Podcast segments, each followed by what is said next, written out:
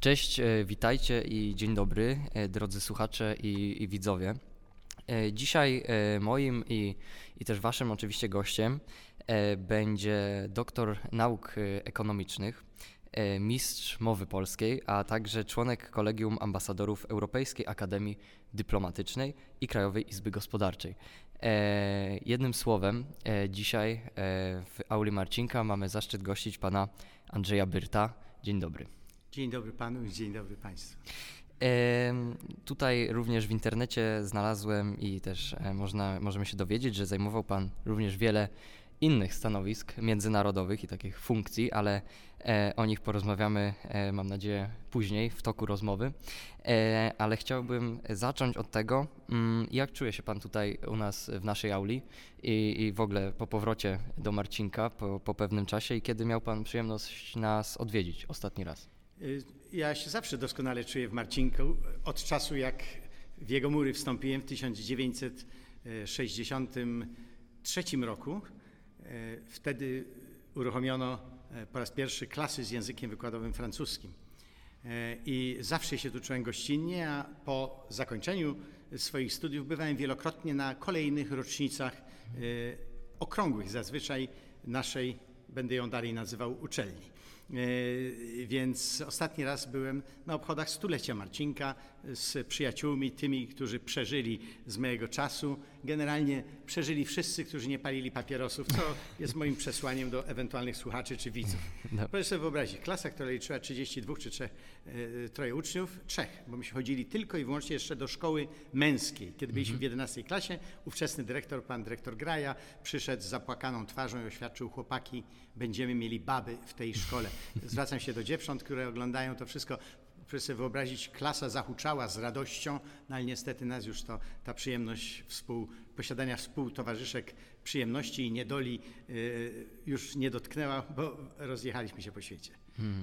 Ale y, czyli z tego wynika, że jakieś tam relacje cały czas utrzymuje pan z kolegami na przykład tak, z ławek? oczywiście wielokrotnie y, bywałem tu z różnymi wykładami, spotkaniami z nauczycielami. Przede wszystkim utrzymywaliśmy, y, nasza klasa, y, niewiarygodnie serdeczny kontakt z naszą wychowawczynią, panią profesor Marią Drobnik, zwaną przez nas, to było znane profesorom również, więc powiem to imię Kaczuchą, od słowa kaczuszka, y, do której żywiliśmy naprawdę, proszę wierzyć, ogromne y, uczucia y, wieloletniej sympatii. Ona umierała grubo po dziewięćdziesiątce i jeszcze udało mi się ją zaprosić do Paryża, kiedy byłem ambasadorem Polski w Paryżu, razem z kolegami z klasy i ona przyjechała.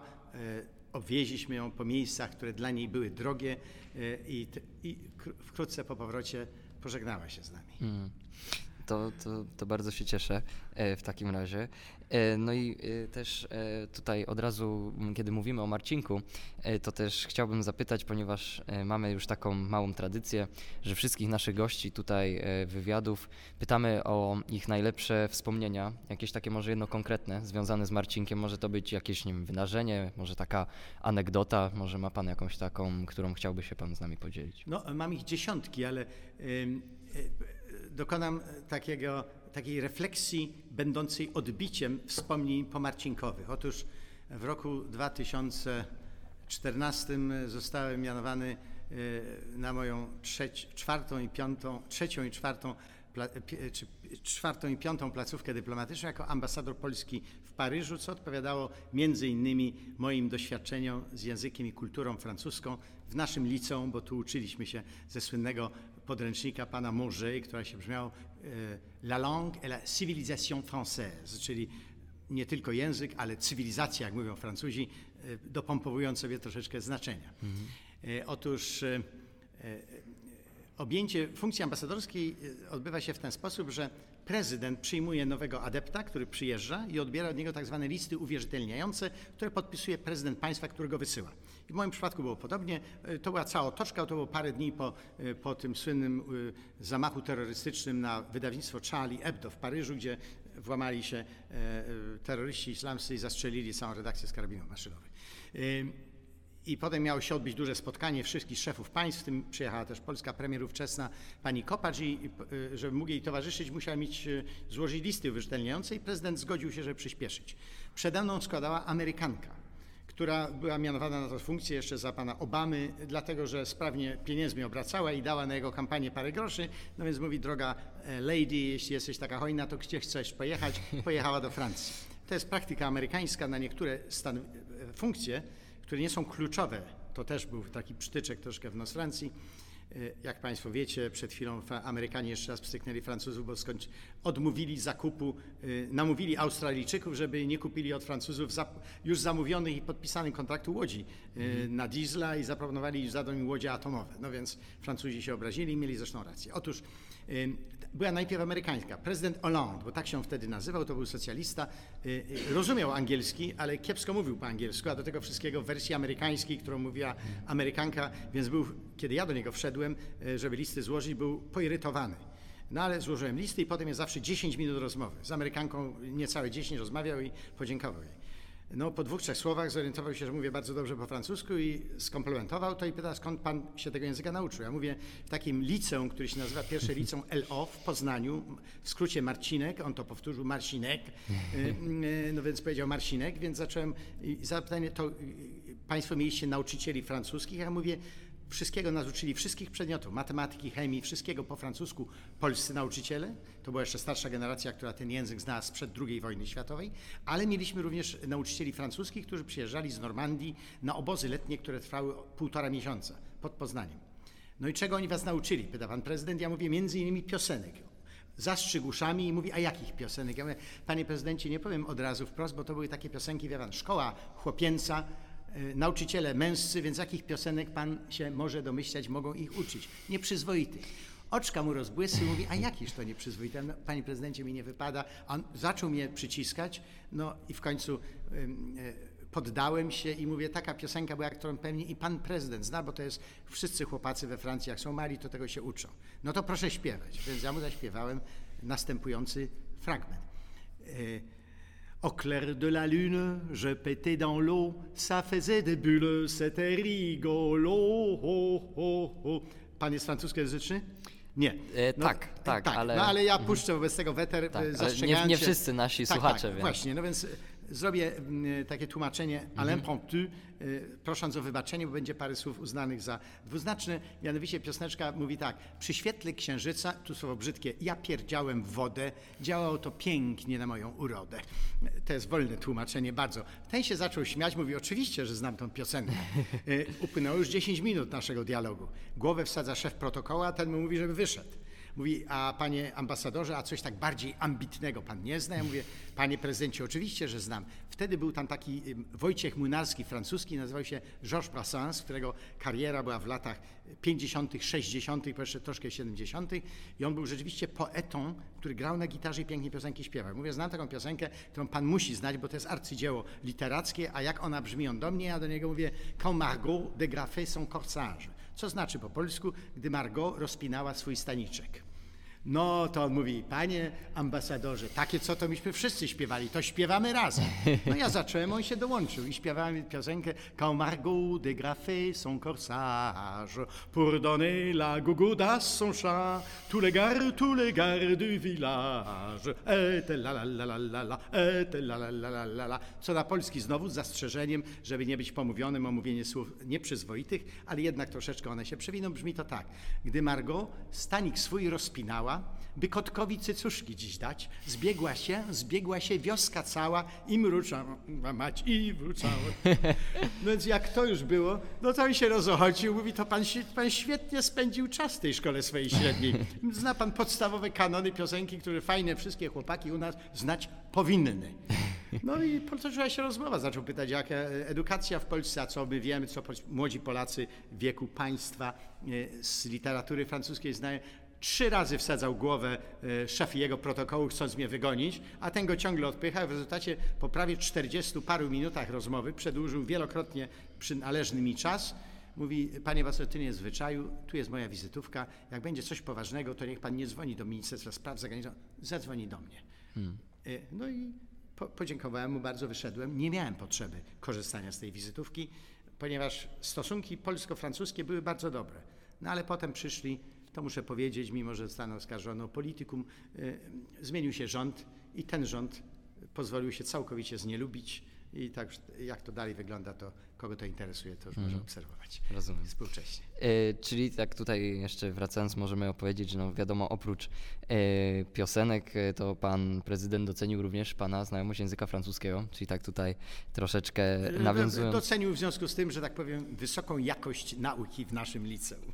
Właśnie, do, właśnie do tego dążyłem. Chciałem się właśnie tak częściowo zapytać o to, czy Marcinek, można powiedzieć, że panu mm, troszeczkę utorował drogę na przyszłość i, i E, ułatwił. Gdybym miał, wie pan, wiecie Państwo, powiedzieć, e, co e, dla mnie było takimi naturalną nauką, dla każdego zawsze podstawową jest Kinderstuba, czyli to, co wyniesie z domu. Ale niezależnie od wszystkiego, Marcinek był niewiarygodnym miejscem nauki w szkole średniej. Wtedy to była najlepsza uczelnia drugiego stopnia, czyli liceum w Polsce. On był na pierwszym miejscu, jeśli chodzi o wyniki. Było tu bardzo dużo olimpijczyków. Ja sam dotarłem z moim kolegą z ławki do finału olimpiady chemicznej, za co miałem za darmo wstęp na chemię. Y, Mój kolega został potem, jest chemikiem nadal, pracuje na uniwersytecie, był wicerektorem tej uczelni, jednym z najlepszych chemików Uniwersytetu Adama Mickiewicza. Y, No ale, y, ale ja nie poszedłem na chemię, tylko poszedłem na ekonometrię. To jest matematyka stosowana do rozwiązywania problemów ekonomicznych, gospodarczych i ona miała dwie ścieżki, jeszcze dodatkowo prawo międzynarodowe, które też wspólnie pod tym dachem jak gdyby zrobiłem, ale ta klasa z językiem francuskim, to była pierwsza jej czy druga odsłona, gromadziła, y, było wtedy chyba z 10 osób na jedno miejsce, bardzo wybitnych uczniów, bardzo wybitnych uczniów. Tak samo jak potem poszedłem, ostatecznie wylądowałem na, na e, Akademii Ekonomicznej, która rozpoczęła też po raz pierwszy kierunek handlu zagranicznego i, tam tak samo była nieduża klasa. Tu mieliśmy 32 chyba uczniów, tam 32 studentów, też elitarny układ, tam było 15 osób na jedno miejsce i co dowodzi, że jeśli już się do czegoś starać, to trzeba mieć ambicje i startować, e, skakać przez wysoką poprzeczkę. Można przez nią nie przeskoczyć, ale jak się jej wysoko nie postawi, to się na pewno przez nią nie przeskoczy. Więc e, tak samo Marcinek, czyli klasa z językiem wykładowym francuskim, mimo że można powiedzieć e, nacisk był na język francuski, ale uczyliśmy się w tym języku e, przez pierwsze trzy lata wszystkich przedmiotów, również matematyki, chemii, biologii, fizyki. E, no więc y, to wymuszało y, konkurencję między kolegami, ale również y, y, było ogromnym napędem, żeby się uczyć. Y, To był bardzo dla mnie szczęśliwy okres i fundamenty, muszę powiedzieć, wszystkiego wziąłem y, przyszłej mojej drogi zawodowej, y, ja wiem, naukowej, literackiej, y, wziąłem y, czy posadowiłem je tutaj w naszym liceum, pierwszym liceum w Poznaniu imienia Karola Marcinkowskiego. E, No właśnie, bo tutaj też chciałem pana zapytać o ulubione szkolne takie przedmioty, a tutaj już częściowo pan mówił właśnie o, o chemii, e, ale czy to właśnie byłby pana pan co, ulubiony ja panu przedmiot, czy może... brzydko, bo to będzie wyglądało, wszyscy słuchacze powiedzą, ten facet jest, przepraszam, mówię potocznie narąbany. Ja miałem na wszystkich świadectwach z naszej uczelni, z naszej uczelni czyli z pierwszej, miałem same bardzo dobre. Mhm. Czyli e, takiego Poza jednego... klasą 11, nie, tak muszę dodać, Aha. gdzie dostałem dwie czwórki z WF-u, bo się pokłóciłem z nauczycielem, e, i e, z e, języka rosyjskiego. A, rozumiem. Ale czyli jakiegoś tak jednego ulubionego przedmiotu pan nie miał? Czy nie można tak już mogę powiedzieć? No, miałem kilka ulubionych. Wszystkie były ulubione, naprawdę, tak to wyglądało. Czyli lubił pan ale, się ale, uczyć? Powiem szczegól, no, lubiłem się uczyć, tak, to łatwo mi szło, ale lubiłem się przede wszystkim uczyć i znajdowałem w tym ogromną przyjemność, ogromną. Mhm. Język polski. To było arcydzieło. Uważam, e, i każdy powinien, czymkolwiek będzie, matematykiem, fizykiem, e, na Harvardzie będzie studiował, Oksfordzie czy gdziekolwiek indziej, powinien się uczyć języka polskiego, bo to jest e, nasze źródło kultury i bez znajomości języka polskiego i dobrej znajomości języka polskiego trudno się uczyć innych języków, nie znając tego zestawu. Notabene przeżywałem z tej okazji różne dziwne rzeczy i o jednej z nich wspomnę. E, Kiedy, byłem, kiedy mnie ściągnięto z Brukseli e, w dzie- 1992 roku, w Brukseli byłem jednym z tych, którzy przygotowywali e, trzy, dwie tury negocjacji, najpierw jeszcze PRL-u, bo ja wyjechałem w 87 roku tam, 87, tak, przygotowaliśmy pierwszą umowę, którą podpisał po zmianie rządu pan premier Mazowiecki i potem przystąpiliśmy do negocjacji umowy stowarzyszeniowej, która była wstępem do członkostwa Polski z Unią Europejską y, i ściągnięto mnie z tej Brukseli wtedy, kiedy ta umowa stowarzyszeniowa miała wejść w życie, y, a osoba, która to miała prowadzić, została wyszarpana ówczesnemu ministrowi współpracy gospodarczej ym, z zagranicą, takie było ministerstwo, a dzisiejszemu szefowi Narodowego Banku Polskiego, panu Adamowi Glapińskiemu z PiSu. Y, I tym kimś był Andrzej Olechowski, postać, którą Państwo często widzicie, były minister spraw zagranicznych Polski w telewizji. Y, y, No a za tydzień wchodziło w życie umowa o stowarzyszeniu i biedny Glapiński, który się znał na tych sprawach, tak jak na sprzątaniu śmieci w jesienne popołudnie, kiedy spadają duże ilości drzew, a trzeba posprzątać ścieżkę, ściągnął mnie z Brukseli, żebym go wsparł, bo nie wiedział, z czym to się je. No i prowadziłem te negocjacje, wprowadzałem, no, więc jak mnie ściągnęli, y, to stałem się jednocześnie doradcą pana prezydenta Wałęsy, z którym jeździłem samolotem, którego szczątki leżą pod y, y, Smoleńskiem 32 razy w różnych państwach. Za 3 czy 4 tygodnie po moim powrocie z Brukseli do, do Warszawy y, mieliśmy wyjechać do Indii. I pojechaliśmy do tej Indii i w pewnym momencie nasz prezydent, który czytał, była kolacja, zawsze pierwszą kolację ofiaruje prezydent kraju, do którego się przyjeżdża, e, no i wznosi w pewnym momencie toast. On mówi najpierw toast, a potem przyjezdny prezydent odpowiada. I wziął swoją karteczkę i zaczyna czytać. Było ciemno, śmierdziało, znaczy Hindusi powiedzieli pachniało kadzidełkami chińskimi, ciemno było, a pan prezydent Wałęsa mówi o tym, więc ja powtarzam, mam zresztą zgodę na opowiadanie tego dowcipu, więc chcę powiedzieć, mm, troszeczkę skonfudowany, zaczyna czytać w odpowiedzi na wystąpienie prezydenta Indii, który w pewnym momencie użył określenia, a jeden, najwybitniejszy polski poeta Adam Mickiewicz, imię i nazwisko powiedział poprawnie, w swoich sonetach krymskich gdzieś tam znaleźli taki tekst, że, fal, y, że trawy szumiały na stepach jak fale Gangesu. Dochodzimy, pan prezydent teraz odpowiada swoim toastem, czyta w kartkę, mówi, jak powiedział wielki patriota hinduski, i nie może wypowiedzieć. Ja mówię, ciekawe, kogo chce wymienić. Bierze rozpęd jeszcze raz. Jak powiedział wielki, to. Ja mówię, a chce pewnie powiedzieć Mahatma Gandhi, ale nie wychodzi. Wkurzony Wałęsa bierze rozbieg raz trzeci, mówi, jak powiedział wielki patriota hinduski y, Mohammed Gandhi, siedzący przy mnie wiceminister spraw zagranicznych Indii z, ze wzrokiem e, e, węża boa spogląda na mnie i mówi, po angielsku rozmawiamy ze sobą, panie ministrze, wielki patriota hinduski ma na imię, niech pan powtórzy, Mahatma. I ja mówię, trzeba pośladki ratować głowie państwa naszego, więc mówię do niego po angielsku. E, angielski państwo rozumiecie, więc powiem mniej więcej, jak to powiedziałem. Mr. Minister, it's very easy for you to teach me a lesson, but you have to know that Polish language had, has got seven cases. In English, you have, as a matter of fact, only two. So look, for example, if you look at me, you look at Mr. Andrzej Byrt. And if you say it in Polish, you look at Andrzeja Byrta. You see, it's different. Endings are different. Who is sitting next to you? Mr. and Andrzej Byrt. E, siedzi przy mnie kto? Andrzej Byrt. Tu jest akurat zgoda. Ale przy każdym innym przypadku są inne końcówki, więc pan prezydent po prostu odmienił y, y, imię Mahatma według polskiej, e, polskich zasad odmiany. Ten nie e, kiwnął głową, ale jestem przekonany, że nie, e, nie wziął tego poważnie i tak się skończyło. Wszystko się potem zepsuło, już atmosfera była ponura. e, No i na końcu, jak już wszyscy wyszli z Hindusów, zostaliśmy sami, doskakuje pan minister stanu w kancelarii prezydenta, pan Wachow, Wa- Wachowski i mówi do niego, do prezydenta głowy państwa, on zawsze w, te, w gronach publicznych mówi o nim wodzu, wodzu, Powinieneś, tu pada słowo zaczynające się na literach pomiędzy R i S, powinieneś przeczytać to wystąpienie, a nie rozwiązywać twoje, tu słówko na P, krzyżówki. No. Ale y, ostatecznie y, wizyta była bardzo udana. Y, Oczywiście ten lapsus nie poleciał w, świat medialny. Wtedy zresztą jeszcze takich agresywnych połączeń nie było, ale to samo z internetem. O istnieniu internetu w służbach dyplomatycznych Stanów Zjednoczonych i ich wywiadzie dowiedziałem się w czasie prowadzonych przeze mnie w 1993 roku negocjacji o wejście Polski do Światowej Organizacji Handlu. To jest trzeci człon tak zwanego systemu z Bretton Woods, który Amerykanie z aliantami wymyślili y, na, y, przed udzieleniem pomocy Wielkiej Brytanii. Jak się wojna skończy, mówią, powołamy trzy instytucje.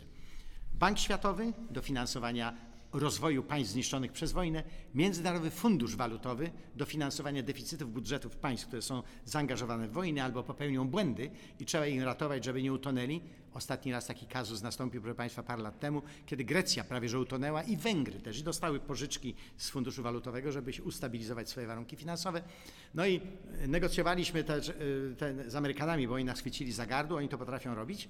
E, Wszystko się toczyło w Genewie i, i trzeba było, wymienialiśmy się listami obniżek ceł na nasze wzajemne produkty i myśmy zanosili o czwartej nad ranem, pamiętam, bośmy lecieli non-stop, 4 godziny snu i 7 się dalej, wydruki na dyskietkach. Oni mówią, proszę pana, my te dyskietki wpuszczamy w nasz komputer i w ułamku sekundy to jest rozdysponowane na kilka uniwersytetów w Stanach Zjednoczonych i oni oceniają błyskawicznie, czy to, co państwo proponujecie jako koncesję, ustępstwa, jest do przyjęcia, czy nie.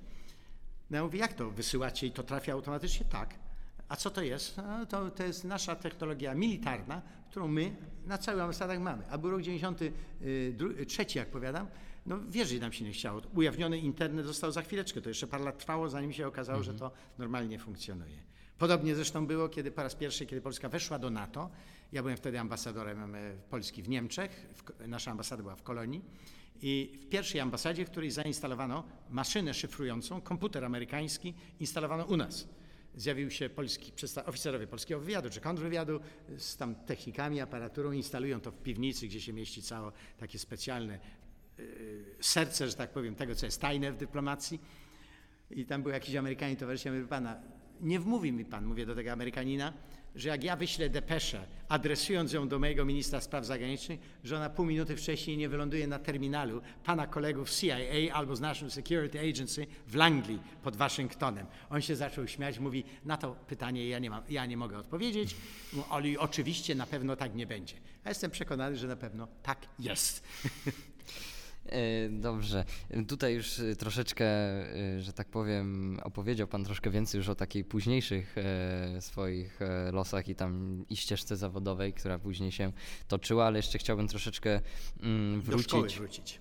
Tak, może nawet niekoniecznie do szkoły, ale tutaj wydaje mi się, że mam takie całkiem ciekawe pytanie, ponieważ teraz dużo mm, z naszych słuchaczy, między innymi też, też ja, mm, czeka nas matura i musimy zdecydować się na studia. I no, częściowo jest Pan, e, powiedzmy, związany z Uniwersytetem tutaj ekonomicznym w Poznaniu, ale też e, no, podróżował Pan i zna Pan naprawdę wiele mm, krajów i, i tam jak one funkcjonują, podejrzewam, że uczelnie również. Mm, No i chciałbym się zapytać, y, co może doradziłby Pan y, takim licealistom, którzy kończą szkołę? Czy lepiej zostać u siebie w kraju i tutaj powiedzmy w mieście mm, studiować, podjąć studia? Czy warto też y, próbować i studia zagraniczne y, obrać? Y, Wie pan, moje curriculum vitae jest nietypowe, bo ja rzeczywiście widziałem cały świat. Jako wiceminister spraw zagranicznych wiceminister współpracy gospodarczej z zagranicą, szczególnie w tej pierwszej funkcji, prowadziłem wszystkie negocjacje z wielostronnymi organizacjami gospodarczymi na świecie, do których Polska wcześniej, będąc w obozie komunistycznym, nie mogła wstąpić. Myśmy wchodzili do nich. Więc y, te negocjacje się toczyły w różnych miejscach świata, więc zdarzało mi się, jak wsiadłem w samolot w Warszawie, to objechałem kulę ziemską i wracałem za dwa tygodnie do Warszawy, negocjując w różnych miejscach. Y, Więc to, ale to jest jednak sytuacja wyjątkowa. Y, To i dzisiaj się już nikomu takie coś nie zdarza, bo jesteśmy już zakorzenieni w nich, więc zniknął y, to wielkie wyzwanie. Natomiast wielokrotnie mm, jeżdżąc po świecie, za czasów tak zwanej komuny, jak to się mówił, byłem wtedy dyrektorem targów, najmłodszym w Polsce, dyrektorem największej promocyjnej organizacji polskiej. Co chwila mi składano za granicą oferty, wtedy one brzmiały zostań. Y, y, Państwo nie znacie tych czasów, ale wtedy z Polski, z moich kolegów dużo wyjechało za granicę, prawda? To się mówiło potocznie, co on zrobił. On został za granicą i oficjalnie był to y, to określenie oznaczało potępienie, że krótko mówiąc zwiał.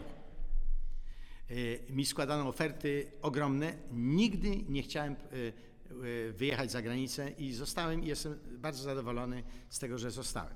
Dzisiaj się sytuacja zmieniła, bo jak Polska weszła do Unii Europejskiej, czyli staliśmy się częścią większej organizacji i politycznej, i gospodarczej, wyjazd za granicę, na przykład na studia, to nie jest w cudzysłowie żadna zdrada Polski.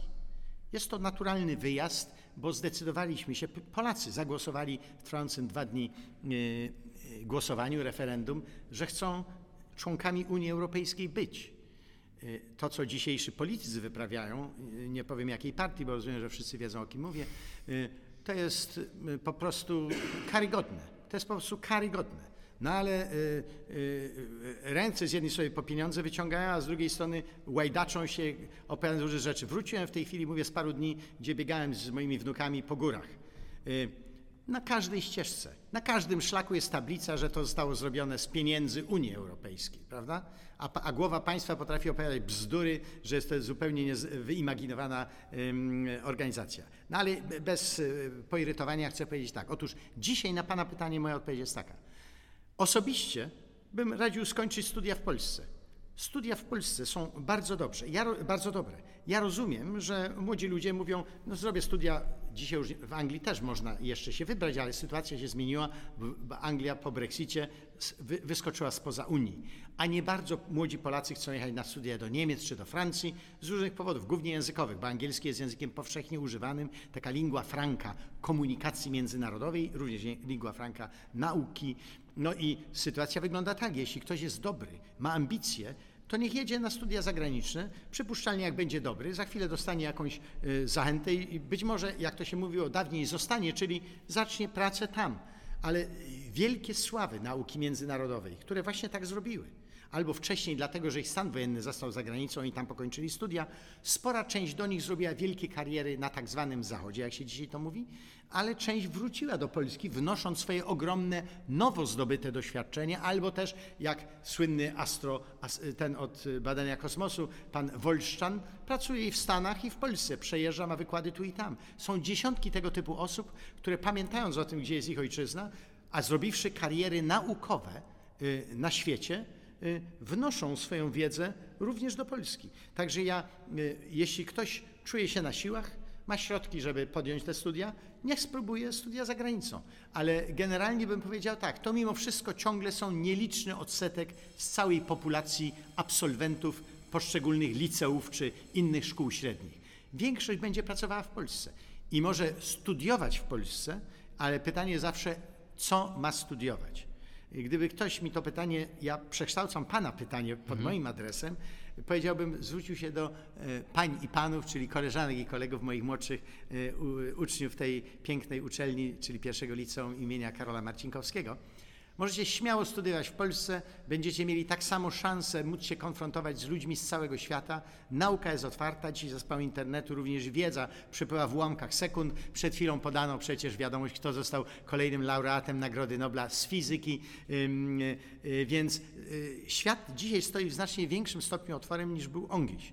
Jeśli Państwo będziecie, wybierzecie dowolny kierunek, zapewne według Waszych zainteresowań, ale gdyby ktoś mnie zapytał, jaki kierunek, ja bym powiedział wszystko to, co się wiąże z matematyką. To jest najlepsze, ponieważ y, y, y, świat y, jest, czy Państwo jesteście wierzący, czy niewierzący. Jak jesteście wierzący, to powiem, Pan Bóg jest wielkim matematykiem. Jak jesteście niewierzący, to powiem, przyroda jest zbudowana na zasadach matematycznych i przy, cały wielki postęp ludzkości bazował właśnie na tym, na zdolności odcyfrowania nieznanych kodów i zasad funkcjonowania wszechświata od czasów wielkiego wybuchu, y, te ponad 5 miliardów lat, do chwili obecnej. I i to jest fascynująca nauka. Ona nie jest łatwa, ale y, trzeba do niej podejść y, y, sensownie, albowiem poza wszystkim, poza wielką przygodą, którą ona gwarantuje, ona również pozwala sformatować sposób rozumowania, który nie będzie podatny na bzdury, które lecą non-stop z internetu i z ekranów telewizorów i z wypowiedzi, w szczególności ludzi, których nazywamy politykami. Tam brakuje rozsądku w większości w głowach, brakuje skadrowania, nastawienia na mówienie prawdy, yy, no, no, ale takie czasy. Nie wytykam palcem X czy Y, ale jak popatrzymy, że czołowi polscy politycy, yy, wielu z nich odpowiedziało, yy, potwierdził sąd, że kłamali ordynarnie i te kłamstwa lecą z telewizora, nie powiem z jakich stacji, bo my mam w ten sposób swój wyrobiony pomysł, ale idą codziennie. Są to półprawdy, ale półprawda, która wyprowadza na manowce, to jest kłamstwo. Tak samo y, jak y, y, przed chwilą jadąc tutaj, miałem włączone radio i się dowiaduję, że w amerykańskim baseball, to jest gra, taka piłka, specjalny rodzaj piłki, powiedziano, że będą wpuszczali ludzi tylko po zaszczepieniu. I dwóch czołowych tych baseballistów, którzy cały czas opowiadali, że Ziemia jest płaska i że szczepienie szkodzi ludziom, teraz widzą, że mogą stracić ileś milionów dolarów za, na rok, zmienili zdanie, spuścili nos na kwintę i, i, i powiedzieli, że dobrze, że Ziemia nie jest płaska i że trzeba się szczepić. Prawda? No tak, tak, tak to wygląda. A potrafili bezczelnie łgać, a ludzie, większość maluczkich będzie im wierzyć. Nie? Bo jak dobrze piłkę kopie, to musi być geniuszem, prawda? No tak. Ym, A właśnie kiedy pan kończył i tak był mniej więcej w takim naszym wieku, czyli powiedzmy, że już w tej ostatniej licealnej klasie, y, to mm, marzył pan o tym, y, żeby w taki sposób mniej więcej potoczyła się pana przyszłość? Widział ją gdzieś tam pan, czy to tak po prostu było i pan to Nie, zaakceptował? nie. Kończąc, zdając maturę w, naszej, w naszym liceum, nie miałem wyobrażenia, gdzie wyląduję. Nie miałem. Y, Jak byłem w szkole podstawowej, miałem nauczyciela języka polskiego, wymienię jego nazwisko, nazywał się pan Józef Kopeć i był między innymi żołnierzem armii Halera. Armia Halera to była armia, która p- siły, polskie siły patriotyczne sformowały we Francji, ale z ludzi w znacznej mierze, którzy zostali ściągnięci z polskiej emigracji do Stanów Zjednoczonych. Ci żołnierze walczyli tu w różnych y, miejscach. Y, on też przeżył y, i zaczął uczyć polskiego. I y, ponieważ ja byłem, tak mówię, przepraszam, mu- muszę dość bezczelnie, również w szkole podstawowej miałem bardzo dobre stopnie, Więc on mi któregoś dnia wziął mnie z rodzicami do siebie, na, do pokoju nauczycielskiego i zaczął wróżyć, mówiąc, proszę Państwa, starajcie się posyłać dalej na nauki, mówi, ponieważ ten Andrzej moim zdaniem będzie albo nauczycielem, tak przewidział moją karierę, albo księdzem, albo będzie premierem. No i trafił z pierwszym, nauczycielem, bo byłem nauczycielem akademickim. Dzisiaj jestem ponownie e, wykładowcą e, akademickim. E, W międzyczasie miałem wykłady właściwie na wszystkich znaczących uczelniach w Europie, przynajmniej Francji, Niemczech, ale nie tylko, w pozostałych państwach też. Zazwyczaj przy okazji podróży z panem prezydentem Wałęsą, bo on występował w ramach politycznych, a, a ja szedłem na uniwersytety w różnych miejscach całego świata, w Stanach, Japonii, wszędzie, gdzie Wałęsa był, to ja trafiałem zawsze na uniwersytet i opowiadałem o Polsce. Nie mówiłem, to nie był wykład z matematyki, to nie był wykład z hi- historii, z historii najbardziej. Mówiłem o Polsce w czasie transformacji. Polska w pierwszej połowie lat 90., proszę Państwa, to była gwiazda na firmamencie świata, ponieważ transformacja, która została pokona- dokonana, y, to, była, to był wielki gospodarczy, czy odwrotnie, polityczny i w ślad za tym gospodarczy sukces. To było potwierdzenie tego, jak liberalizacja postawi kraj na nogi, potrafi postawić kraj na nogi. Oczywiście była cena za to też. Jaka była cena? No, bezrobocie, które w pierwszym okresie dość mocno wzrosło, ale ono wzrosło we wszystkich państwach Europy Środkowej, tych byłych komunistycznych, bo ta gospodarka, która wtedy była, była zupełnie niewydajna, więc kiedy została wystawiona na rynek światowy, to y, ci najmniej przygotowani, a spora część była po prostu nieprzygotowana na to, nie byli w stanie się uratować. No więc, y, y, ale to zajęcie, które określiłem mianem nauczyciela, czyli osoby, która y, rodzice wychowują, szkoła też powinna wychowywać, ale pierwszym zadaniem szkoły jest wychowanie z jednej strony, ale z drugiej strony nauczenie, y, bym powiedział, sposobów traktowania świata tak, aby móc go zrozumieć i odpowiedzieć przez swoją wiedzę na potrzeby naszych wspólnie z nami funkcjonujących rodaków czy całej ludzkości. I z tym wyzwaniem państwo, cokolwiek wybierzecie jako przedmiot studiów, będziecie mieli potem do czynienia w życiu dorosłym.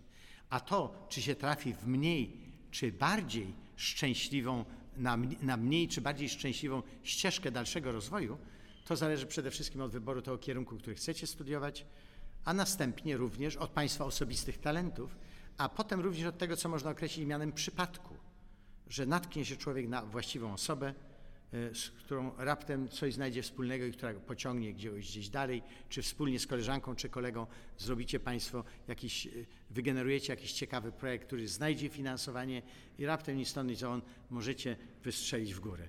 Y, y, Idąc po górach natknąłem się na młodego studenta, jednego z studentów z mojej uczelni, który, z którym miałem zajęcia, który dzisiaj się okazuje jest już polskim miliarderem, czy jak to się mówi, jednym polskim jednorożcem, y, który potem kończył studia nie tu w Poznaniu, tylko w Warszawie na Szkole Głównej Handlowej SGH.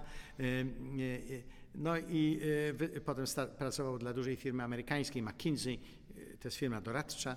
y, I zgromadziwszy jakiś nieduży kapitalik, z drugim kolegą otworzył firmę, y, która instalowała panele fotowoltaiczne. Bardzo ładnie to rozwinęli, sprzedali jakiemuś funduszowi międzynarodowego, z tych pieniędzy zainwestowali y, w farmę fotowoltaiczną, rozwinęli ją bardzo dobrze, sprzedali za 10 razy jeszcze więcej i dzisiaj budują farmy na Morzu Bałtyckim, mega farmy fotowoltaiczne. Ten chłopiec ma 45 lat i jest miliarderem. Więc, a wcale nie był najlepszym studentem, ale przypadek rząd był bardzo dobry, był bardzo dobry y, i do tego wszystkiego miał jeszcze jakieś takie przypadki do sporządzania. I, I to będzie od Państwa zależało, czy z własną wiedzą, ale również tym, co można określić inteligencją emocjonalną, czyli umiejętnością y, wyczucia y, nadarzającej się okazji, ale również zrozumienia koleżanki czy kolegi, z którą ewentualnie możecie zrealizować własny po, pomysł to umie, jeśli będziecie Państwo nawet genialnymi matematykami, ale musicie mieć również tą umiejętność odcyfrowywania ambicji i zdolności swoich koleżanek i kolegów po to, żeby móc e, sprze- e, sprząc siły i, przy, i wystartować zazwyczaj. A, e, to bardzo myślę, że takie cenne słowa, które tutaj Pan powiedział, takie ważne i, i które tutaj wszyscy nasi słuchacze zapamiętają, bo e, no na pewno mm, taki ten czas tych takich decyzji i też e, takich planów, podjęcia planów na przyszłość, no nie jest łatwy dla, dla młodych ludzi, tak więc myślę, że, że, że bardzo te Pana słowa do wszystkich naszych słuchaczy trafią. E, Ale chciałem też Pana zapytać o te mm, troszeczkę o stanowiska już takie zawodowe. Już zostawimy Marcinka e, za sobą i e, już chciałbym się skupić na tych takich właśnie Pana różnych e, funkcjach i stanowiskach, które Pan pełnił. Czy właśnie ma Pan może jakieś takie ulubione, z którym ma Pan jakieś powiedzmy najlepsze wspomnienia, ponieważ no, był Pan zarówno ambasadorem Polski we Francji i w Niemczech i e, również e, prezesem targów e, poznańskich i, i wiele, wiele innych, ale czy któreś może wzbudza w Panu takie najlepsze wspomnienia? Albo chciałby Pan je pełnić powiedzmy jeszcze dłużej? Nie, nie, nie, chciałbym niczego pełnić dłużej niż, to, y, z- y, y, niż tak długo, jak to pełniłem y, z rządzeniem losu, można powiedzieć, i sytuacji. Mam, jestem w bardzo szczęśliwej sytuacji. Jestem jedynym polskim ambasadorem, który był dwukrotnie ambasadorem w tym samym kraju, co jest ogromną rzadkością. Byłem dwa razy w Niemczech, w sumie prawie 10 lat.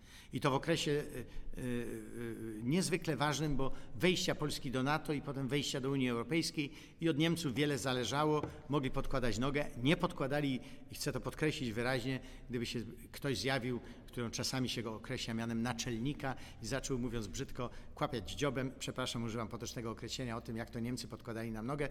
Oni zrobili wiele złego Polsce w, w, w, w połowie XX wieku ale wejście Polski do Unii mieliśmy w Niemczech najpoważniejszego, życzliwego sojusznika i, i y, wykorzystaliśmy to, to, to okno akurat. Więc ale na Pana odpowiedź bym powiedział tak.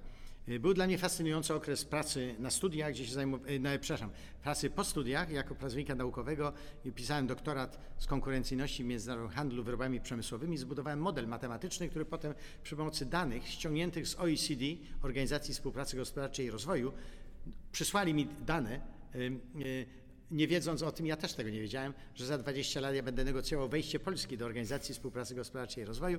Więc to był taki model matematyczny, który y, praca została bardzo dobrze przyjęta i krótko po tym, y, po jej obronie zostałem Międzynarodowe Targi Poznańskie, kierownictwo targów, dla których cały czas za, jako pracownik naukowy również dorabiałem sobie tłumacząc ich biuletyny prasowe na różnych imprezach. ale raz czy drugi tłumaczyłem to również, jak normalni tłumacze nawalili i trzeba było zrobić tłumaczenie konsekutywne, czyli stanąć przy mikrofonie i y, wypowiedzi dyrektorów tłumaczyć. I w końcu to nam poszło tak dobrze. Z dwoma jeszcze kolegami założyliśmy firmę prywatną, która była pierwszą w Polsce, która miała kabiny i jeździliśmy po różnych kongresach po Polsce i tłumaczyliśmy kabinowo. Pierwszy taki duży kongres to był wtedy, kiedy zapadła decyzja polityczna za PRL, jeszcze Polskiej Rzeczpospolitej Ludowej, żeby zbudować port północny w Gdańsku i tam miały powstać również zbiorniki y, rafineryjne, żeby można było przerabiać. I pamiętam tą konferencję, gdzie zjawiły się największe koncerny świata, Shell, Amok, te wszystkie duże giganty światowe i myśmy z trzema jeszcze poznaniakami tłumaczyli kabinowo i z tego byli zadowoleni, bo pamiętam, y, bo dostaliśmy elegancką premię dodatkowo poza normalną opłatą. Więc w rezultacie tego, że tłumaczyłem na targach y, cały czas, corocznie y, i jeszcze jako student pracowałem na stoiskach, w tym również po raz pierwszy na uruchomionych przez Amerykanów stoiskach handlowych, y, pewnego dnia zjawił się prezes targów u mojego szefa, pryncypała, szefa instytutu i powiedział, że czy on by się nie zgodził, żeby, żeby oni mnie ściągnęli na targi. On powiedział, że to ode mnie zależy, a ja podjąłem tę decyzję, przeszedłem na targi tak się uruchomiła. Y, dwa lata pracowałem jako szef Wydziału Marketingu i, i Reklamy, a potem wybuchła Solidarność. Wywalono całe kierownictwo targowe i szukano takiego cymbała, któremu mogą powierzyć zrujnowane prawie targi. Dlaczego zrujnowane? Nie fizycznie, że one były zrujnowane, tylko za wprowadzenie stanu wojennego y, y, Amerykanie nałożyli sankcje na Polskę i z nimi większość państw zachodniej Europy. I w rezultacie straciliśmy dwie trzecie klientów. Więc targi spikowały, koszty były te same, a, przychody zmalały o dwie trzecie. I szukano idioty, który, tego będzie, który albo je wyciągnie z tego dołka, albo jak padnie, tego się wykopsa bez kłopotu żadnego, bo to będzie nobody. Y, no i, i powierzono mi tą funkcję, ja, myśmy rozwinęli błyskawicznie, y, zapraszając prywatnych wytwórców. Ja sam byłem z rodziny, że tak brzydko powiem, prywaciarzy, więc nie było żadnego kłopotu. Zaczęli, zjawili się wystawcy prywatni, co było wtedy nie, y, nie zrozumiałe. Na targach poznańskich międzynarodowych nie wolno było uczestniczyć prywatnym wystawcom tylko mogły być tak zwane centrale handlu zagranicznego, czyli publiczne firmy, które miały prawo handlowania za granicą. Ale ponieważ było tak źle, to odpuszczono mi myśmy uruchomili ten, i, i targi ocalały. I moje zajęcia na targach to był jeden z najbardziej fascynujących okresów. Uruchomiliśmy targi w innych miastach Polski i to duże, tak jak Simex na Śląsku, największe, drugie w Europie targi maszyn hutni, górniczych, hutniczych i energetycznych. I kiedy wróciłem po raz drugi na targi, po raz trzeci, bo byłem trzy razy prezesem targów, w 2009 po zakończeniu mojej drugiej misji w Niemczech, to to był to również piękny okres, bo znowu był kryzys. To był kryzys 2008-2009 y, i targi też popłynęły na dół. Udało mi się znowu to pięknie rozwinąć, więc dla mnie fascynującą sprawą była moja praca na targach.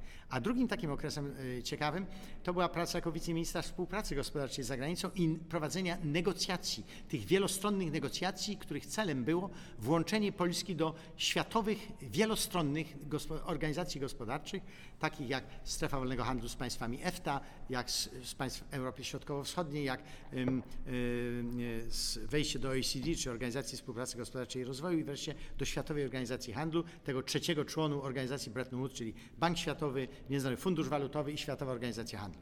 Y, no to było fascynujące, ze względu po pierwsze na moje, rzeczywiście bezczelnie twierdzę, bardzo dobre przygotowanie prawniczo-matematyczne, które było nieodzowne, do tego, że skompletowałem zespół młodych ludzi, byliśmy pierwszymi, którym państwo zafundowało, nie zafundowało, tylko dało laptopy, prawda? Wtedy nie było mhm. inaczej. To wszystko trzeba było liczyć na to, żeby błyskawicznie swoje oferty e, e, modyfikować w ciągu prawie miało się 10-20 minut, żeby przeliczyć dziesiątki tysięcy różnych wariantów. E, Przesadzam dziesiątki tysięcy różnych taryf, no to były kilkanaście wariantów. I to wszystko robiliśmy. To była druga taka rzecz. A trzecią, no to były te moje funkcje ambasadorskie. To było ciekawe niezwykle i jednocześnie, jak powiadam, również wielkie wyzwanie. Bo w Niemczech na przykład y, y, była duża grupa osób, która chci, chciała podłożyć Polsce nogę, żeby weszła do NATO. To byli główni tak zwani wypędzeni i, ucie i, y, i uciekinierzy, czyli ci Niemcy, których z ziem zachodnich i północnych musieli przed armią sowiecką uciekać. I oni mieli do nas pretensje o to. No więc spotykałem się z tymi ludźmi, Y, zazwyczaj już starszymi w wieku i, i, i, to były wielkie wyzwania w takiej sali jak tu nasza aula i siedzi y, tu ile wejdzie osób? 400? Mniej więcej. tak, no, no to siedzi tak, 400 osób, ale czasami jak w dużej hali w Monachium siedziało 5 tysięcy wypędzonych ze Śląska i wszyscy by mi przegryźli tchawicę chętnie, prawda? E, No a żartuję oczywiście w przenośni, dość brutalny żart, ale faktem jest, że było wielu niezwykle niechętnie nastawionych. Ale po, po godzinie, dwóch, trzech czasami debaty przemówiłem, że zanim ktokolwiek z Niemców został wypędzony, to Niemcy najpierw wypędzili tysiące czy setki tysięcy ludzi z, z, na przykład z Poznańskiego. No prawie milion został wygoniony w ciągu y, pół roku, prawda? I, I oni o czym oczywiście twierdzili, że nie wiedzieli. I pewnie może nie, mogli nie wiedzieć. Rzeczywiście mogli nie wiedzieć. Propaganda była taka mniej więcej wtedy w Niemczech. Mówiła mniej więcej tyle prawdy, ile propaganda w jednej ze stacji, której nie wymienię, ponieważ nie wypada mówić w naszym kraju. No więc y, y, y, y, jeśli mamy do czynienia z świadomą, sterowaną politycznie propagandą, to w głowach ludzi powstaje gigantyczny chaos i brak wiedzy. Yy, No więc to były fascynujące wyzwania. Trzeba było negocjować z ludźmi i, i właściwie nie było spotkania mojego wykładu, jednego w Niemczech, yy, gdzie ktoś potem nie stawiał pytania, które, z której było widać albo niechęć do Polski, albo brak wiedzy, albo i jedno i drugie wzajemnie ze sobą połączone. I na to trzeba było odpowiedzieć tak, żeby przynajmniej wzbudzić refleksję od tego, które pytanie postawił, żeby zechciał sięgnąć do książek pisanych przez ich niemieckich historyków, bo są tacy, którzy pisali prawdę. Większość pisała prawdę. Tam nie ma, są jakieś tam y, szmatławce też, ale generalnie piszą prawdę. Z tych prawda wynika, że to Niemcy napadły na Polskę, że zrobili prowokację gliwicką, o ofiarach. Wszystko jest napisane w Niemczech. Tylko większość pewnie nie chciała do tej pory po to sięgnąć. No tak. E, Opowiedział Pan y, też y, o tym, jak e, z uniwersytetu trafił Pan na, mm, na Międzynarodowe Targi Poznańskie, a też e, mnie bardzo zastanawiało, kiedy tak studiowałem Pana życiorys, jak właśnie to się stało, że z tych targów zaczął Pan pełnić takie funkcje dyplomatyczne bardziej. Może z tym też No, jest... mogę o tym powiedzieć, bo to wie pan, to się tak wszystko, y, to się wszystko przeplatało. Y, Mam 30, y, ile szybko liczę, 33 lata i jestem najmłodszym y, szefem tak zwanej, to się nazywało przedsiębiorstwa handlu zagranicznego, w którym były targi również. No, wyciągnęliśmy z tej dziury, która powstała po nałożeniu sankcji na Polskę, poprzez zwiększenie liczby wystawców krajowych, ale prywatnych. Z czasem się sytuacja unormowała, zaczęli inni przyjeżdżać i w szczególności przez targi poznańskie e, przewijało się tłum ludzi, również polityków, ponieważ w tamtym czasie e, e, wystawcy z poszczególnych krajów wystawiali nie tak nie indywidualnie, tylko pod parasolem swoich państw. Dlaczego? Bo jechali za żelazną kurtynę, gdzie jak mówili oni na zachodzie, rządzą komuchy, więc nikt nie wiadomo, co ci mogą wywinąć. I oni im chcieli dać protekcję, ochronę. No więc zgłoszenia wystawców ze swojego kraju każdorazowo składały Ministerstwa Gospodarki albo Ministerstwa Handlu Zagranicznego z różnych państw i oni przyjeżdżali w ramach tak zwanego wystąpienia wspólnego, kolektywnego.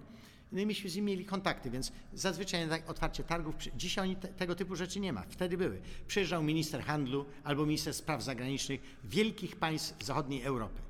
A to y, y, wicepre, y, y, a to minister gospodarki z Niemiec, Francji, ci wszyscy ludzie przyjeżdżali. I jako ten 30-parolatek y, wydawałem dla nich obiady, kolacje, z nimi wszystkimi rozmawialiśmy. I proszę sobie wyobrazić, że jak przyjechałem do Niemiec, to ci wszyscy premierzy landów, Niemcy są państwem federalnym, gdzie ma pan landy, czyli poszczególne kraje federalne, sporą część tych ludzi znałem, bo byli u nas na targach No tak. prawda? Tak samo z Wielkiej Brytanii, bo byli na targach. No i pewnego pięknego dnia y, y, mój ówczesny szef, minister handlu zagranicznego Tadeusz Nestorowicz, bardzo porządny człowiek y, z Wilna, zaprosił do siebie i zrobił mi ofertę wiceministra handlu zagranicznego. W tej Polsce, jak to się dzisiaj mówi, komunistycznej, to była Polska bardziej socjalistyczna, bo komunistów to tam nie wiem, czy wychodzi jedna sztuka. No ale w każdym razie była, był to ten system, niewłaści, jak bym to powiedział, który dzisiaj i słusznie jest w znacznej mierze, y, y, był następstwem podbicia Polski, wyzwolenia Polski przez armię sowiecką, a potem po, politycznego podbicia i stworzenia systemu, który kontrolował jednopartyjnie państwo. I on mnie zaprosił i zaoferował mi stanowisko wiceministra, wypełniłem stosowne formularze, ale po miesiącu mnie wezwał i powiedział, przepraszam bardzo, e, że panu być może zrobiłem nadzieję, ale nie mogę pana zatrudnić, bo towarzysze z Komitetu Centralnego doszli do wniosku, że pan nie może. I zaczął mnie przepraszać, ponieważ musiałem wypisać wszystko o swoich braciach, siostr, y, y, szwagrach, teściach tego i wyszło, że jestem jedynym z całej rodziny, który pracuje na stanowisku publicznym, a cała reszta ma prywatne firmy. No w tamtym systemie, żeby wiceminister został ktoś, kto jest prywaciarzem, jak to się mówi, czy z takiej rodziny, przeprosił mnie bardzo, sprawa padła. Ale za kolejny rok wzywa mnie on z moim ówczesnym bezpośrednim szefem, czyli szefem Polskiej Izby Handlu Zagranicznego, której targi bezpośrednio podlegały, jeszcze raz i mówi, panie prezesie, e, wprawdzie e, e, sytuacja się troszkę zmieniła, ponieważ władza polityczna trzech państw, Węgier, Węgierskiej Republiki Socjalistycznej, Ludowej, przepraszam, Czechosłowackiej Republiki Socjalistycznej i Polskiej Rzeczpospolitej Ludowej postanowiły uznać istnienie europejskich wspólnot gospodarczych, czyli uznać polityczne istnienie tej organizacji, która już od 56-7 roku dawno funkcjonowała. Ja mówię, panie ministrze, ja to wiem, bo przecież na targach my mamy główni wystawcą z tych państw. On mówi, wszystko się zgadza. My z nimi handlujemy, biznesy są robione, ale politycznego uznania nie było. I myśmy dostali zapewnienie, że jeśli podpiszemy umowę polityczną uznającą istnienie EWG, to EWG z tymi trzema państwami, Węgrami, Czechosłowacją i Polską, zacznie negocjacje w celu otworzenia swojego rynku dla polskich produktów, który do tej pory był blokowany wysokimi cłami. I chcielibyśmy, żeby pan przygotował te negocjacje w Brukseli.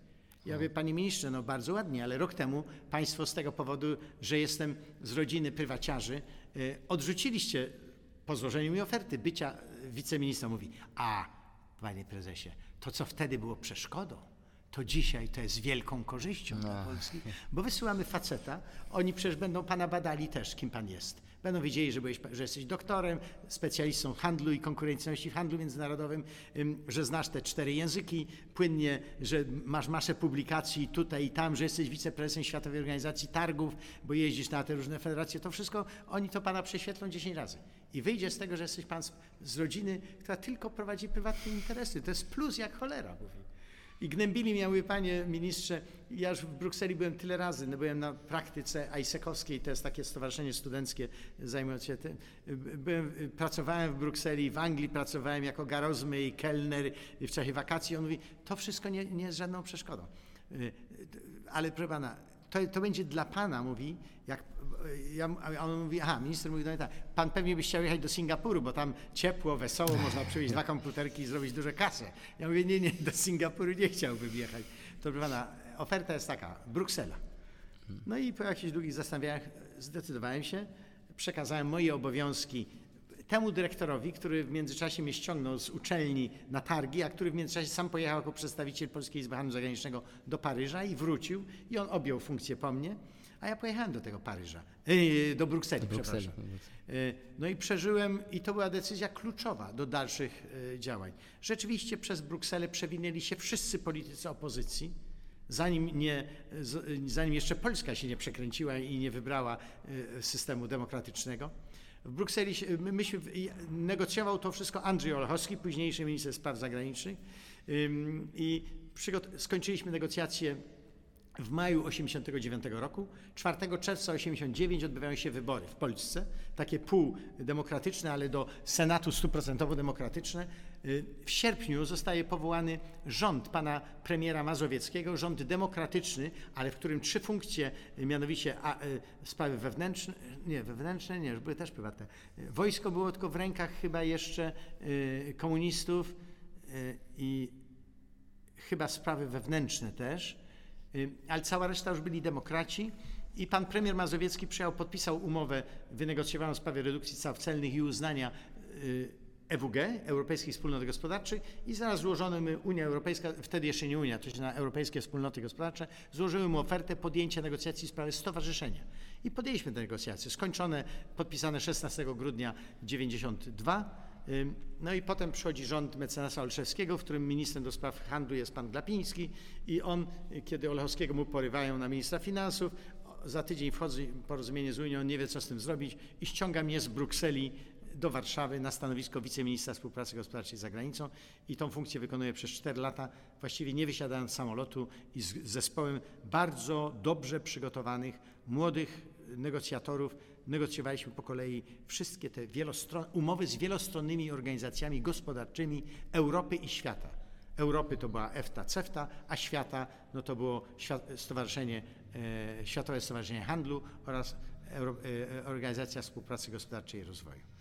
Czyli, bo tutaj wcześniej Pan mówił, że, że też to jak później mm, toczą się takie życiowe losy, zależy od tego, e, czy spotkamy gdzieś tam mm, się zdarza, że spotkamy taką odpowiednią osobę, to można powiedzieć, że Pan taką osobę chyba spotkał. Tak przynajmniej bym wnioskował z Pana wypowiedzi teraz. Wie pan, y, y, to, to była seria przypadków, ale ona wynikała, z, z, z, że tak powiem, z moich dobrych zapisów, z tymi w oczach i sercach być może również tych ludzi, z którymi współpracowałem, prawda?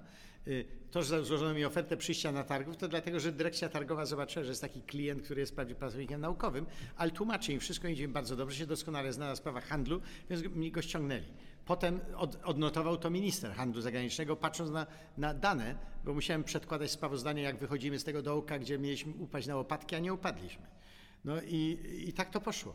A z kolei z- w Brukseli będąc, y, y, to w międzyczasie przyjeżdżali z kraju po kolei wszyscy ministrowie handlu zagranicznego, spraw międzynarodowych i zawsze jak trzeba było, to y, mieli ze mną też do czynienia na miejscu i, w końcu złożyli taką ofertę.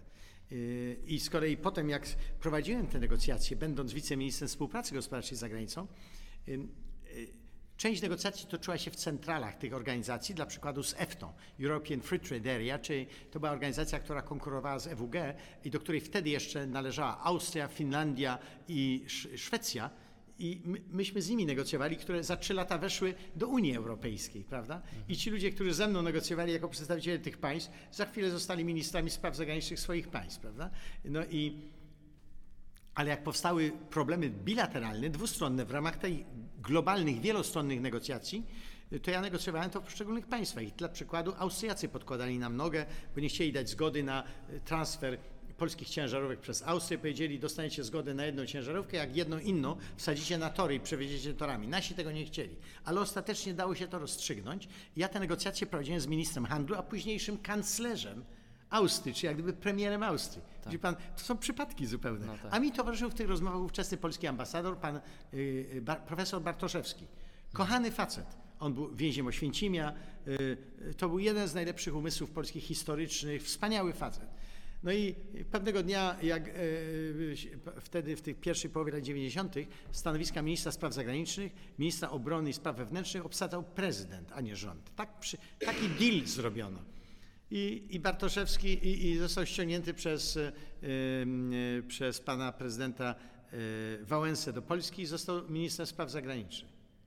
Jak on został ministrem spraw zagranicznych, to najpierw znowu mi oferował stanowisko wiceministra spraw zagranicznych. Ja mówię, panie ministrze, ja nie przyjdę do pana, bo ja w tej chwili prowadzę negocjacje w Ministerstwie Współpracy Gospodarczej z zagranicą i, i, i, i, ja nie mogę wszystkiego rzucić, bo mamy kilka linii negocjacyjnych, więc zostanę tu.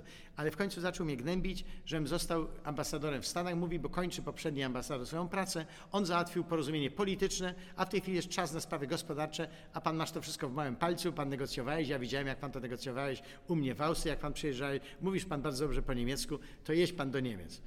Blokowałem się, blokowałem, a w końcu uległem i zgodziłem się na to i pojechałem do Niemiec i trafiłem na kolejną fazę, fascynującą fazę, y, że y, miałem, widziałem końcówkę Helmuta Kohla, przegraną potem CDU, CSU i wielką aferę, bo Kohl tam e, zrobił kanty finansowe, za co go też przypieczętowano, a pani Angela Merkel go opuściła w związku z tym.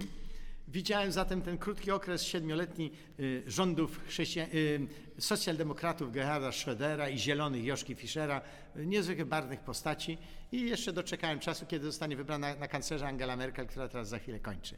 I ich wszystkich znałem i ich znałem bardzo osobiście. O czym za chwilę powiem, jak wrócę do tych książeczek, które leżą przede mnie, bo to właśnie te przypadki opisałem. Jak wylądowałem w kolonii, no to tego samego dnia zadzwonił do mnie osobiście kanclerz, bo się okazało, że pan Bartoszewski, który był jego osobistym przyjacielem i z którym corocznie spędzali wspólnie wakacje w Austrii nad jednym z jezior, y, mówi, dostał od Bartoszewskiego wiadomość, że będę to ja. Więc kanclerz do mnie zadzwonił, żeby powiedzieć, że się cieszę bardzo, że jestem ale ponieważ ja od Bartoszewskiego wiedziałem, że kanclerz Kohl bardzo lubi zjeść, co zresztą było widać po jego posturze i sam sobie takie lepsze kawałki gotuje, a to było, ja wylądowałem w kolonii krótko przed Bożym Narodzeniem, a w Niemczech głównym daniem, odpowiednikiem polskiego karpia jest gęś, nie byle jaka gęś. tylko polnische Gänse, czyli polskie gęsi, są jadane na Wigilię w Niemczech, na Boże Narodzenie w Niemczech. Nie tam gęś z Hiszpanii. Muszą być polnische Gänse. To jakościowe. No tak, z tego względu. A to się wie, że pan, to jest tradycja, ponieważ te gęsi, kiedy nasza Wielkopolska była częścią Prus, wzięta przez tych, to stąd te gęsi pędzili do Berlina w ten sposób, że przepuszczali gęsi po rozlanej smole, potem po pociętej, y, y, po pociętej y, słomie i one jak przeszły tymi nogami, stopami, no to się robiły takie podeszwy, robiły im się, one ich pędzili, aż trafiały do Berlina i tam je konsumowali. Więc ja zapytałem szed- e, kanclerza, czy przyjął ode mnie prezencik. On pyta, jaki? Ja mówię, panie kanclerzu, polskie gęsi. Ja mówię, a chętnie, to spróbuję. I wtedy ja stanąłem w sytuacji, skąd ja wezmę gęsi od jemu. I przyszło mi do głowy, jeszcze pamiętałem z czasów targu, że jest taki e, producent gęsi w Wielkopolsce, który nazywa się pan Stokłosa. To był senator, którego chciano i wsadzono potem, bo on robił jakieś lewe kanty podatkowe, ale już go teraz wypuszczono. I do niego zadzwoniłem i on DHL mi przesłał w ciągu 24 godzin sześć gęsek elegancko za, zamrożonych w takich dużych pe- y, oplastikowanych urządzonkach i dostał kancler, był tym zachwycony. I miałem do niego od razu wstęp przez żołądek. E, no właśnie, bo e, no niezwykle fascynujące jest to, to, to wszystko, co, co, co Pan opowiada i, i też em, bardzo myślę takie, przynajmniej dla mnie jako słuchacza, ja bardzo lubię, kiedy mm, ktoś, kto opowiada historię swojego życia, sam się tym fascynuje i właśnie to po Panu widzę i bardzo mnie to cieszy. Mm, ale też chciałem zapytać, czy też Pan na taką chwilę obecną e, ma jakieś takie marzenia związane z przyszłością? E, nie wiem, może jeszcze chciałby Pan e, pełnić jakieś stanowisko? Nie. Nie, ja już nie mam żadnych ambicji, żeby o tej porze to jest pora dla kolejnych generacji ludzi, którzy będą funkcję reprezentowania Polski za granicą sprawować. Mi rzeczywiście było dane w okresie wielkiego polskiego sukcesu gospodarczego, który był następstwem wielkiego ruchu Solidarności i potem transformacji naszej ojczyzny w państwo demokratyczne, y, było pełnić te funkcje wtedy, kiedy rzeczywiście była potrzeba y, y, prowadzenia licznych negocjacji albo prezentowania interesów Polski i jej znaczenia na całym świecie. I nigdy nie byłem w sytuacji, chcę to podkreślić wyraźnie, nigdy nie byłem w sytuacji, żeby któryś z moich rozmówców, współnegocjatorów, czy to byli Amerykanie, czy to byli Niemcy, Francuzi, Japończycy, mm, znaleźć się w sytuacji, żebym się poczuł zawstydzony albo że nie mam umiejętności, czy to językowych, czy merytorycznych. Ani razu, chcę to wyraźnie powiedzieć, nie byłem w takiej sytuacji. Byłem za, mogłem zawsze spokojnie reprezentować interesy polskie z dumą, y, biorąc pod uwagę całą historię Rzeczypospolitej, ale również tą polską umiejętność wyjścia z, z, z tego wielkiego zawirowania, które się nazywało 45 lat y, komunizmu. Przeżyłem raz tylko wstyd i to był w moim pobycie we Francji, kiedy się w Polsce zmieniły rządy. To mówię od razu. Zmiana rządów w Polsce, ci, którzy dzisiaj są, zrujnowały y, wizję Polski, którą mieli obcokrajowcy. Y, y, Zaczynając od głupich wystąpień, to muszę powiedzieć, głowy państwa, przez krętactwa mediów, które wypuściły, no ale to jest rzecz, której nie będę tego wątku ciągnął, więc to się zdarzyło. Mam nadzieję, że po raz pierwszy y, byłem świadkiem czegoś takiego, no ale y, y, mam nadzieję, że nawet gdyby aktualna odsłona władzy i jej umiejętność szafowania kiełbasą wyborczą i tym sposobem zdobywania głosów będzie trwała dłużej, to że i oni jednak będą mieli swoje osiągnięcia, które pozwolą i światu zrozumieć być może to zawirowanie, którego aktualnie jesteśmy udział, w środku którego się znajdujemy. Y, Nigdy nie jest przecież tak, że y, ktoś, kto władzę obejmuje, ma złe intencje. Zazwyczaj wszyscy, którzy obejmują władzę, chcą tak zwanie dobrze. I, A różnie wychodzi. a różnie wychodzi, tak. E, Bo też tutaj e, dużo Pan opowiadał o tej e, Francji i chciałem zapytać, ponieważ też jakiś czas temu mieliśmy okazję gościć Pana Wojciecha Fibaka tutaj w naszych tak. murach. Poznał go Pan może No, osobiście? no, Wojciech Gościu Fibak może w ambasadzie? No oczywiście, A. i na niejednej kolacji byliśmy razem, naturalnie. Gościłem też pana,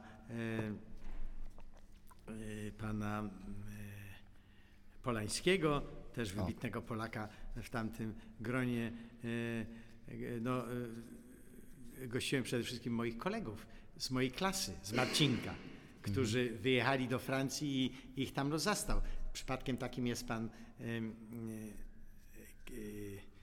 Kamiński, który był, przygotowywał muzykę dla słynnego spektaklu Amadeusz dla Polańskiego w Warszawie i potem miała być druga kopia tego w Paryżu. I on z Polańskim wyjechał e, chyba 8 czy 9 grudnia 82 roku, e, 81 roku, przepraszam, wylądowali w Paryżu, a tu generał Jaruzelski wprowadził stan wojenny i zamknął możliwość powrotu. I ten chłopak, mój kolega, e, został w Paryżu i tam się, że tak powiem, zaimplantował. On był dobrym specjalistą muzyki operowej i wydał między innymi taki największy na świecie podręcznik, taki gruby, mniej więcej tam tysiąc ileś stron, e, całej muzyki operowej zapisanej na CD-romach.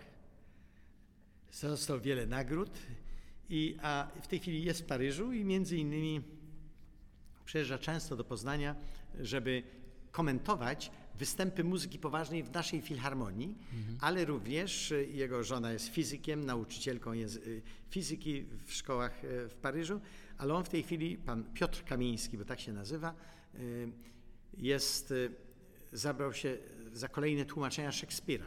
My mamy wybitne tłumaczenia Szekspira w wykonaniu poznaniaka, pana Barańczaka, Barańczaka. świętej pamięci, on już nie żyje. Tak.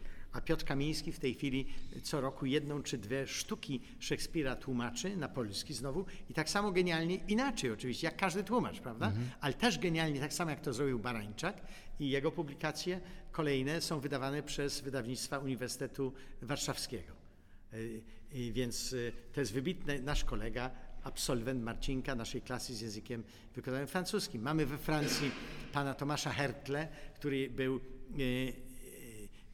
też chemikiem i który y, y, doszedł do szczebla profesora i nawet dziekana chyba Uniwersytetu w Nantes y, y, y, we Francji i on krąży też po świecie jako specjalista w tej branży, ale jest ciągle związany z nami, więc przyjeżdża tutaj, jak mamy e, rocznicę naszego roku, to wraca oczywiście do Polski. Mamy też pana Labudę, e, syna byłego rektora Uniwersytetu Poznańskiego, e, który jest chyba biochemikiem, on w Kanadzie jest wybitnym naukowcem, no też ze względu na wiek oni wszyscy też przechodzą na emeryturę, ale jako naukowcy nadal publikują, e, są wykładowcami, także z tymi ludźmi mamy regularny kontakt. Mhm, to, to dobrze, to, to tutaj Pan tak rozwinął e, odpowiedź na to pytanie, więc też e, myślę, że tutaj na miejscu słuchaczy ja bym się e, w życiorysy i tutaj między innymi wszystkich tych osób, które Pan przytoczył, e, zagłębił. E, mamy też taki zwyczaj, mm, niestety, ale taki już e, na końcu naszych odcinków, E, mamy taki zwyczaj, że osoba, którą gościmy, e, jest proszona o to, by e, powiedziała może jakieś takie motto albo taki cytat, który towarzyszy jej e, przez życie, albo po prostu taki przekaz. Ma, ma Pan może coś takiego, co chciałby Pan e, tutaj wszystkim słuchaczom przekazać? Jakieś takie może, mm, wiem, sentencja, cokolwiek. Zaskoczył mnie pan, e, oczywiście mógłbym różne rzeczy mówić, ale e, tak na pierwszy, na pierwszym trafem e, powiem coś, co się znalazło w opublikowaniu. Jestem współautorem książki, która nazywa się Sztuka wojny. To jest dość grube kompendium. To jest nowe tłumaczenie słynnego traktatu filozofii wojennej Chińczyka, chińskiego filozofa wojny, który nazywał Sun Tzu. Tu jest jego tytuł.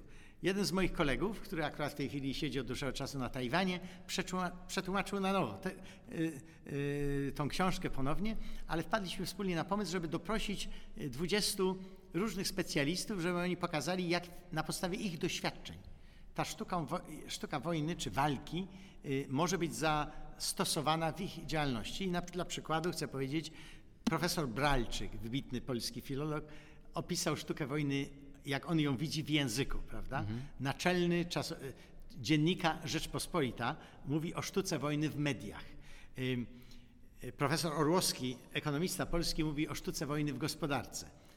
E, Wiceszef wywiadu NATO, polski generał, pisze, jak ta sztuka wojny w wywiadzie jest stosowana. E, Dowódcy polskich oddziałów, na przykład misji w Afganistanie czy Iraku, mówią o sztuce wojny, woj, że tak powiem, w wojsku. Mnie poproszono, żebym napisał troszeczkę z przymrużeniem oka o dyplomacji. I mój wkład nosi tytuł Suaviter in modo, fortiter in re. To będzie odpowiedź na Pana pytanie. Czy znam jakąś maksymę? Tę właśnie, czyli suaviter in modo fortiter in re, czyli łagodnie w sposobie, ale mocno w argumentacji, czy mocno w merytorycznym działaniu. To może być, e, jeśli w odpowiedzi na Pana pytanie, e, moja maksyma, którą chciałbym wszystkim Państwu policzy, e, po, po, zarekomendować. Cokolwiek w życiu robisz, to jest również zasada stosowana, która powinna być stosowana w prawie. Nie, powiem potocznie i dość brutalnie, nie staraj się walić od razu w mordę. Porozmawiaj najpierw, łagodnie, ale w sposób zgodny z regułami sztuki demokratycznej, porozmawiaj, uargumentuj, a dopiero, e, ale argumentuj silnymi, merytorycznymi argumentami. Gdyby polski rząd stosował tą zasadę, to nie byłoby sporu o kopalnię w Turowie. Bo wtedy, kiedy była pora na rozmowę, trzeba było z Czechami rozmawiać, a nie wtedy, kiedy oni traktowani określeniami to są głupie pepiczki, z którymi nie warto gadać, tak zwanie potocznie rzecz biorąc, mówiąc, wkurzyli się i poszli do sądu. No tak. Trzeba było rozmawiać wtedy, kiedy była pora na rozmowę i rozmawiać w sposób łagodny, ale merytorycznie silny, z dobrymi, uzasadnionymi argumentami. Ta zasada suaviter in modo, fortiter in re została zastosowana na szeroką skalę przez tak zwanego generała jezuitów w XVII wieku, który rozbudowywał placówki jezuickie na całym świecie dla Watykanu i zrobił to jako, zrobił, zbudował oryginalną strukturę, zanim jeszcze jezuici nie zostali pozbawieni swoich funkcji ze względu na postępujące różne przekręty, które robili. Ale zasada łagodnie w sposobie, ale mocno merytorycznie w istocie rzeczy jest czymś, co powinna być, jest, jest zasadą, która powinna być stosowana przez wszystkie osoby, które poważnie traktują swoje zajęcie i chcą argumentować w oparciu o prawdziwe, niepokrętne i niesfałszowane argumenty.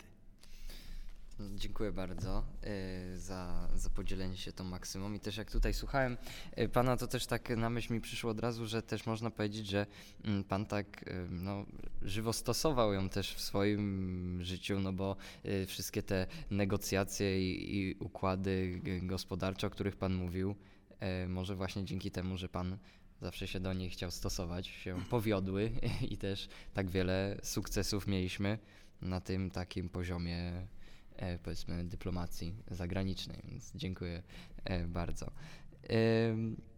Niestety, ale nasz powiedzmy czas e, dobiega końca i bardzo chciałbym podziękować oczywiście panu za, za to, że poświęcił nam pan czas, ale również wszystkim naszym e, słuchaczom i widzom za to, że też e, poświęcili swój czas i obejrzeli, obejrzeli e, odcinek, a gościem dzisiejszego odcinka był pan Andrzej Byrt. Dziękuję. Dziękuję również Panu i Państwu.